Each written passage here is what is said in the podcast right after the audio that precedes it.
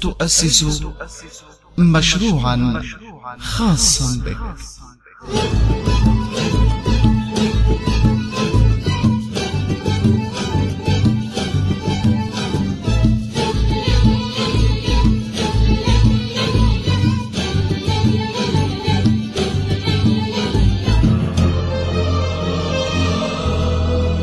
كيف تؤسس مشروعا خاصا بك؟ برنامج من إعداد وتقديم عبد العزيز غالب القدسي.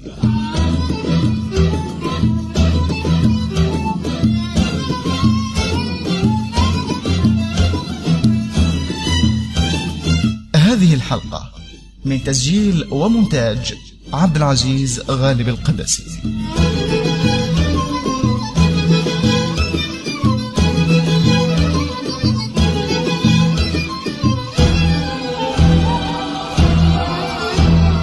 مرحبا بكم مستمعينا الأكارم إلى هذه الحلقة الجديدة من برنامجكم كيف تؤسس مشروعا خاصا بك هذا البرنامج الذي يعد دليلكم المفيد للبدء بمشروع جديد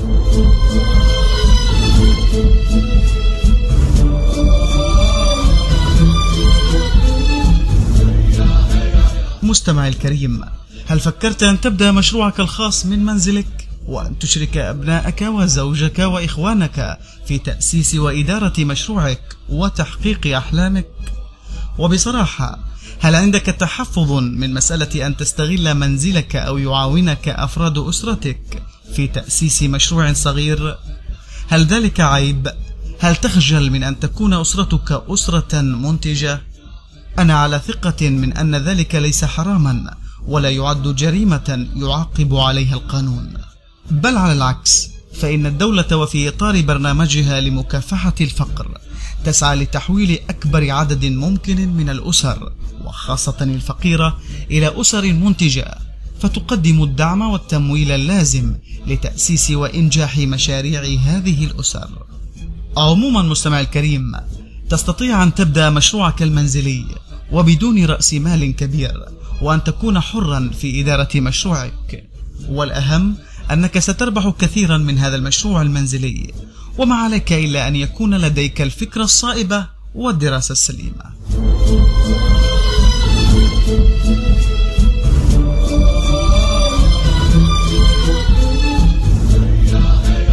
مستمع الكريم تعتمد غالبية المشروعات المتناهية في الصغر على المنزل بصورة أو بأخرى.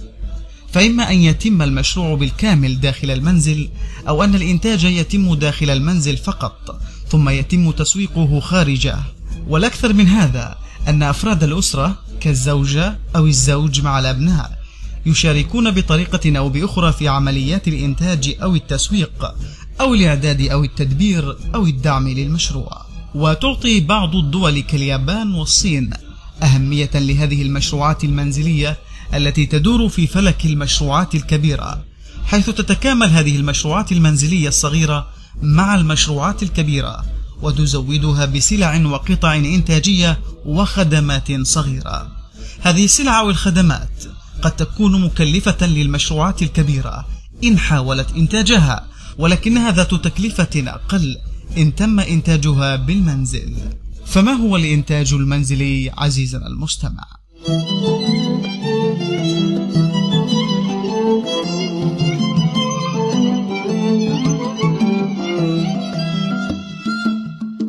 الإنتاج المنزلي هو عبارة عن نشاط اقتصادي يشترك فيه أفراد العائلة تحت إشراف رب أو ربة الأسرة ويوجه هذا الإنتاج إلى السوق سواء كانت هذه السوق الجيران أو الحي أو أماكن متفرقة في البلدة أو المدينة المجاورة أو أصحاب أعمال وأرباب صناعات كبيرة. ويلاحظ أن السوق قد تكون ثابتة أو متنقلة وقد تكون في الحي أو في الأحياء المجاورة وقد تكون في الريف أو الحضر. ويلعب المنزل إذا دورا محوريا في كونه مكانا للإنتاج أو كونه المكان الذي ينطلق منه تقديم المنتجات. كما أن في المنزل بعض الأبناء الذين يمكنهم المساعدة وتتوافر العمالة والموارد البشرية من المنزل وبتكلفة قليلة. وقد يكون المنزل هو مصدر المواد الخام فالأرض المحيطة قد تكون مصدرا لبعض الخضروات. أو أن الماشية المتوافرة بالمنزل تكون مصدرا لمنتجات كالألبان والصوف. وقد يكون المنزل مكان التخزين لكل من المواد والأجهزة والمنتجات التامة.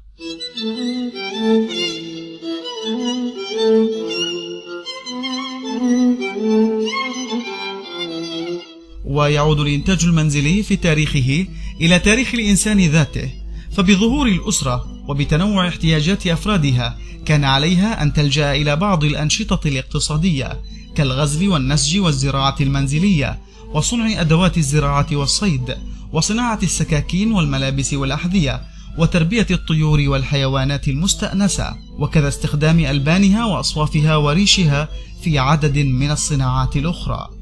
وكان الهدف من الإنتاج المنزلي هو تحقيق مبدأ الاكتفاء الذاتي حيث يكون القصد توفير بعض المنتجات والخدمات التي تسد احتياجات أفراد الأسرة ذاتيا ومن داخل الأسرة.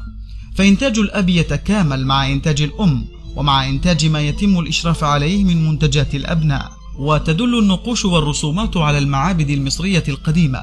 اهتمام الأسرة المصرية بالإنتاج المنزلي. فعلى جدران المعابد هناك تسجيل حي لعمل أفراد الأسرة في الزراعة والحصاد وتربية الماشية والطيور وصناعة الخبز والنسج والصيد والرعي. وفي تاريخنا الإسلامي هناك دلالات قوية على عمل المرأة والأسرة كنواة اقتصادية مهمة. ومما يروى أن امرأة أتت إلى رسول الله صلى الله عليه وسلم ببردة وقالت له إني نسجت هذه بيدي. فأخذها النبي صلى الله عليه وسلم محتاجا إليها واستخدمها كإزار. وفي العصور القديمة كانت الأنشطة الاقتصادية والإنتاج المنزلي يستخدم في الاستهلاك المباشر أو يستخدم للمقايضة بإنتاج آخر للأسر المحيطة. وهنا يحدث التكامل بين الإنتاج والاستهلاك. وما يفيض على إنتاج الأسرة أو مجموعة الأسر كان ينقل إلى أماكن أخرى وأسواق بعيدة للتبادل السلعي بيعا وشراء. وبمزيد من التطور في الصناعات العائلية ظهر التخصص الإنتاجي لدى بعض العائلات تحت إشراف رب وربة الأسرة مثل صناعة الملابس والأحذية والأواني الفخارية أو النحاسية والسجاد. وبدأ يظهر نظام الطوائف وهي عائلات كبيرة متخصصة في منتجات معينة كطوائف النحاسين نسبة إلى النحاس والفحامين نسبة إلى الفحم والحدادين نسبة إلى الحديد والصاغة نسبة إلى صياغة الذهب والفضة. وكانت الصناعة العائلية والفن الإنتاجي الخاص بها يتوارث بين أفراد الأسرة. تجارب الدول النامية في الإنتاج المنزلي.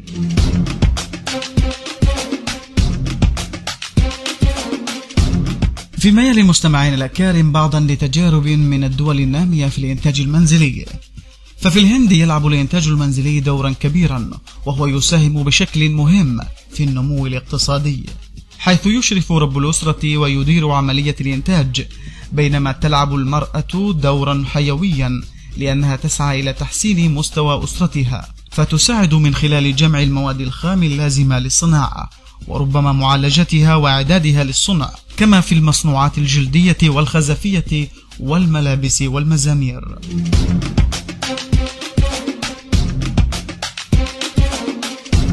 أما في سنغافورة فيشيع العمل المنزلي في كل من الريف والحضر كما أن الدولة تشجع ذلك حتى أنها تسمح بالعمل بالمنازل وتيسره وتتكون المنازل عادة هناك من دورين من الخيزران والخشب. وتسمح الدولة بالعمل في الدور الأول لسهولة النقل والمناولة مع شرط عدم مضايقة الجيران بأي ضوضاء أو أدخنة. ويمتاز العمل المنزلي بهذه المناطق بأنه يناسب المناطق الساحلية كبيع وتجفيف وتمليح السمك مع بعض الأنشطة الصناعية كقطع الغيار والهدايا والمصنوعات الوطنية الشعبية.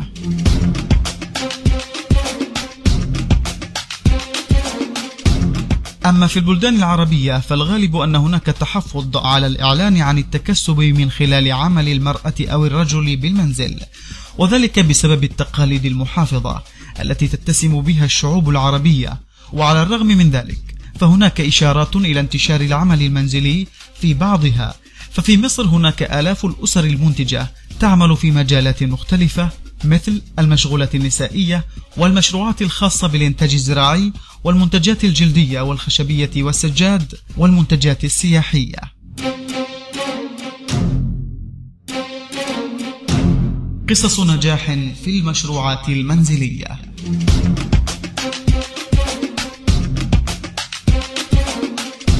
مستمعينا الأكارم نسوق لكم بعضا من قصص نجاح المشروعات المنزلية. فهذا شاب حصل على دبلوم صناعي وعمل فني صيانة بإحدى الشركات وتقبل هذا العمل على مضض وبمضي الأيام. بدأ يتململ من رئيسه وطريقة العمل والإجراءات القاسية والقيود المفروضة عليه. وبعد أن عرف الشاب أسرار العمل في صيانة الأجهزة المنزلية كالغسالات والثلاجات والسخانات فضل العمل الحر وبدأ مشروعه المنزلي من سرداب منزله. وأخلص لعمله ومارسه بنجاح.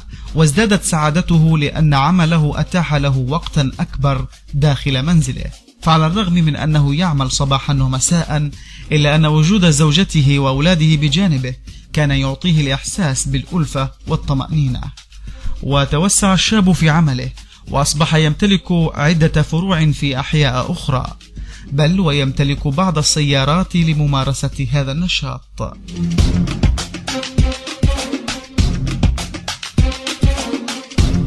واستطاع أحد الشباب الطموح أن يحول إحدى حجرات المنزل المطلة على أحد الشوارع الرئيسية إلى محل لبيع السندويتشات.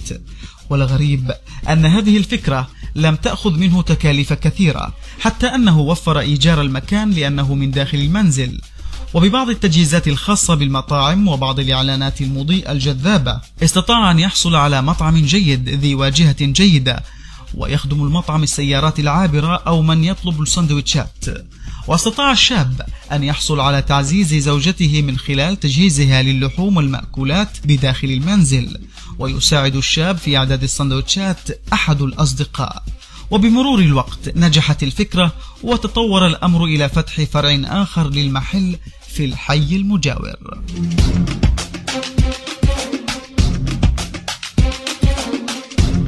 وفي إحدى الأيام فكر أحد الشباب أن يحول كراج منزله إلى بقالة.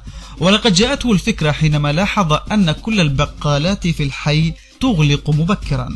وقد واجه الشاب مشكلة قلة رأس المال. فبدأ ببعض التجهيزات البسيطة والأرفف. ولقد ساعدته إحدى شركات المياه الغازية بتزويده بثلاجات لعرض المنتجات الخاصة بها. ومن خلال خدمته المتميزة والممتدة إلى الثانية صباحا استطاع أن يجذب بعض العملاء. وبمرور الوقت استطاع أن يتوسع من خلال إضافة مزيد من الأرفف والبضائع لثلاجات الآيس كريم والخضروات واللحوم المجمدة. وبعد عامين استطاع أن يضم الغرفة الخلفية من الكراج إلى البقالة. ولقد قام بتجديد المكان كليا ليصبح أقرب إلى السوبر ماركت.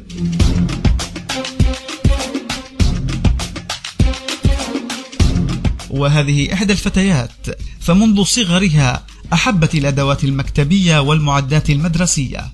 وبعد أن تزوجت وانتقلت إلى بيتها وهو عبارة عن شقة في الطابق الأول من إحدى البيوت المتوسطة الحجم في حي مزدحم وحيوي. طرأت عند زيارتها لإحدى المكتبات فكرة إنشاء مكتبة. فعرضت على زوجها فكرة استئجار المحل الواقع أسفل الشقة لتحويله إلى مكتبة. وبعد موافقة الزوج استطاعت إقناع مالك العمارة بناء سلم داخلي من المحل إلى الشقة. وبدأت في دراسة احتياجات الحي ووجدت لحسن حظها مدرسة ابتدائية للبنات بجوار بيتها. فقامت صاحبة المكتبة بعرض مجموعة من الأدوات المدرسية والمكتبية الحديثة والملونة والبراقة كما عرضت مجموعة من المأكولات الخفيفة مثل الشيبس والبسكويت والشوكولاتة بالإضافة إلى بعض اللعب الصغيرة والهدايا. ولقد نال ذلك إعجاب فتيات المدرسة. بل إن كثيرات منهن ارتبطن بصداقة وطيدة مع صاحبة المكتبة ونجحت المكتبة وكانت صاحبتها سعيدة بهذا النجاح.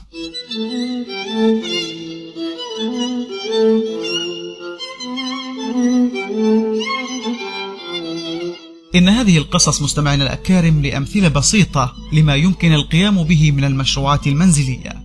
وكلها اعتمدت على فكرة جيدة أو ربما ممارسة هواية معينة في وقت الفراغ أو دراسة احتياجات المجتمع المحلي وتلبيتها. ولتمكينك عزيزي المستمع من تحويل أحلامك إلى واقع ناجح ومشروعات عملية نسوق إليك قائمة ببعض الأفكار التي يمكن أن تعبر عن المشروع المنزلي. وهذه الأفكار معروضة على سبيل المثال وليس الحصر. وعليك أن تعتمد على أفكارك أنت أو أن تطور بعض الأفكار المطروحة وأن تعدلها لكي تناسب ظروفك وظروف المجتمع من حولك. فمن هذه المشروعات المقترحة صناعة المربات والمخللات مثل العشار أو صناعة العصائر أو صناعة الآيس كريم أو تربية الدجاج أو تربية أسماك الزينة أو طيور الزينة أو تربية نحل أو النباتات المنزلية أو تربية الماشية أو الرسم على الزجاج أو زراعة الورود أو الحفر على الخشب أو محل للتحف والهدايا أو للزجاج والبراويز أو محل للنجارة أو مكتبة وأدوات مدرسية أو بقالة أو مشروع لصيانة الأجهزة المنزلية أو طباعة مذكرات وبحوث أو مشروع لتصوير المستندات أو صناعة الفخار والخزف أو فتح عيادة للتمريض أو مشروع لغسل الملابس وكيها.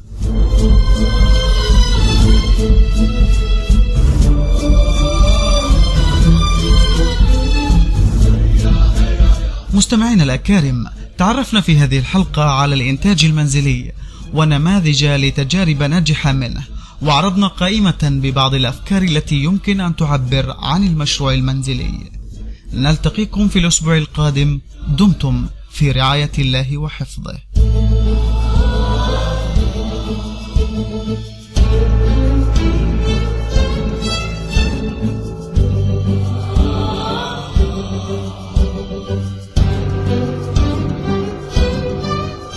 كيف تؤسس مشروعا خاصا بك؟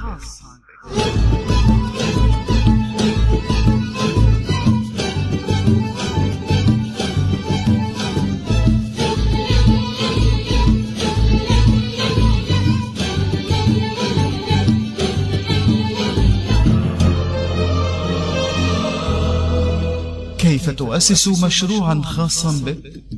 برنامج من إعداد وتقديم عبد العزيز غالب القدسي